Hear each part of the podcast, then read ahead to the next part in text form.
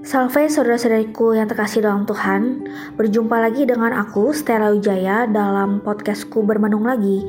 Akan membawakan renungan singkat yang berjudul Hidup Tanpa Medsos.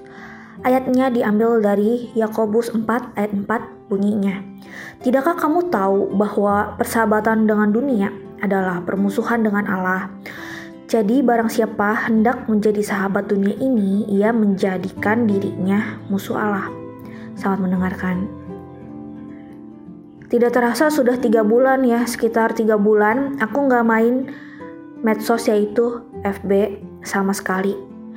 Dan mujizatnya aku berasa sangat amat bahagia dan bahkan lebih bahagia lagi tanpa media sosial bukannya sama sekali sih kadang-kadang satu dua kali sekitar lima kali atau beberapa kali sedikit sekali aku membuka IG juga tapi aku lebih menjauhi diri dari hiruk pikuk dunia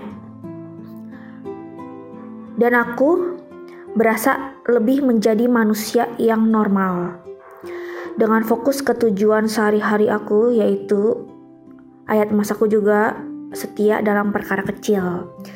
Jadi, aku lebih banyak mengerjakan tugas sehari-hari dalam penulisan dan dalam tujuan-tujuan yang kecil. Tadinya aku rasa kalau misalnya main Facebook itu refreshing banget mengatasi kebosanan, terus bisa update status yang nulis-nulis perasaan aku sehari-hari apa gitu. Tapi lama kelamaan aku pikir notifnya juga lumayan banyak. Jadinya aku kurang fokus ke pekerjaan aku sehari-hari ya dan dengan sangat amat bertekad aku bisa akhirnya close my Facebook jadinya Facebook aku udah nggak ada ya yang ada gambarnya bunga oranye dan kuning dan juga ada latar belakangnya apa tuh itu ya pemandangan lembah Karmel itu ya nah itu aku secara menegaskan di sini sudah tidak ada Nanti aku mungkin buat Facebook baru tapi belum. Sekarang bulan April 2020 belum dibuat Facebookku yang baru sama sekali. Kenapa Tuhan Yesus nggak terlalu suka dengan medsos? Sebenarnya dari unsur pengabdian diri. Jadi Tuhan itu nggak terlalu sukanya karena aku cenderung ketagihan main Facebook dan jadi nggak fokus kegiatan sehari-hari. Yang Tuhan mau kan sebenarnya semuanya berpusat kepada Tuhan ya. Tapi kan kita nggak mungkin juga secara manusia tubuh fisik meninggalkan hal-hal duniawi. Kita selalu dikelilingi oleh hal-hal di sekitar kita ya. Nah, aku juga ingat dengan perkataan Koperi.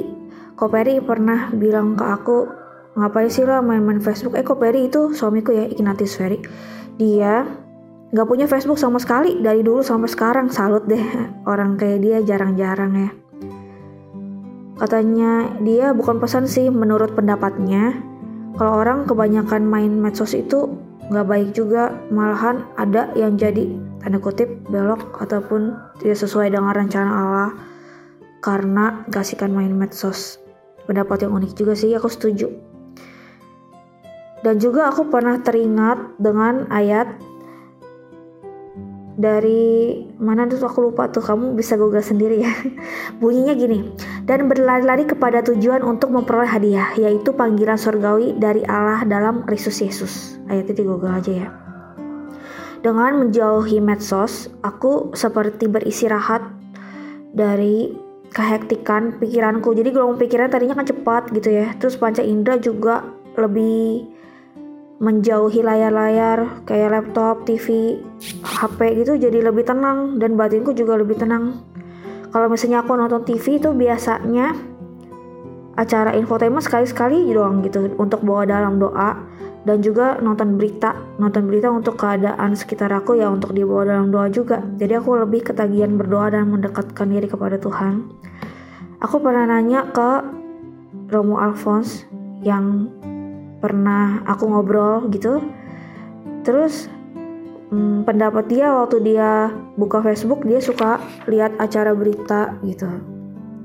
Jadi kalau menurut aku juga ya setelah aku pikir-pikir lagi kalau misalnya media sosial dan gadget sebagainya kan sebagai sarana ya bukan tujuan hidup. Jadi digunakan seperlunya aja nggak apa-apa sih ya supaya semakin normal kalau Facebookku yang dulu lebih sering aku update status tentang foto-foto aku masak sehari-hari dan juga tentang teman-teman aku di statusnya aku suka mendoakan mereka gitu.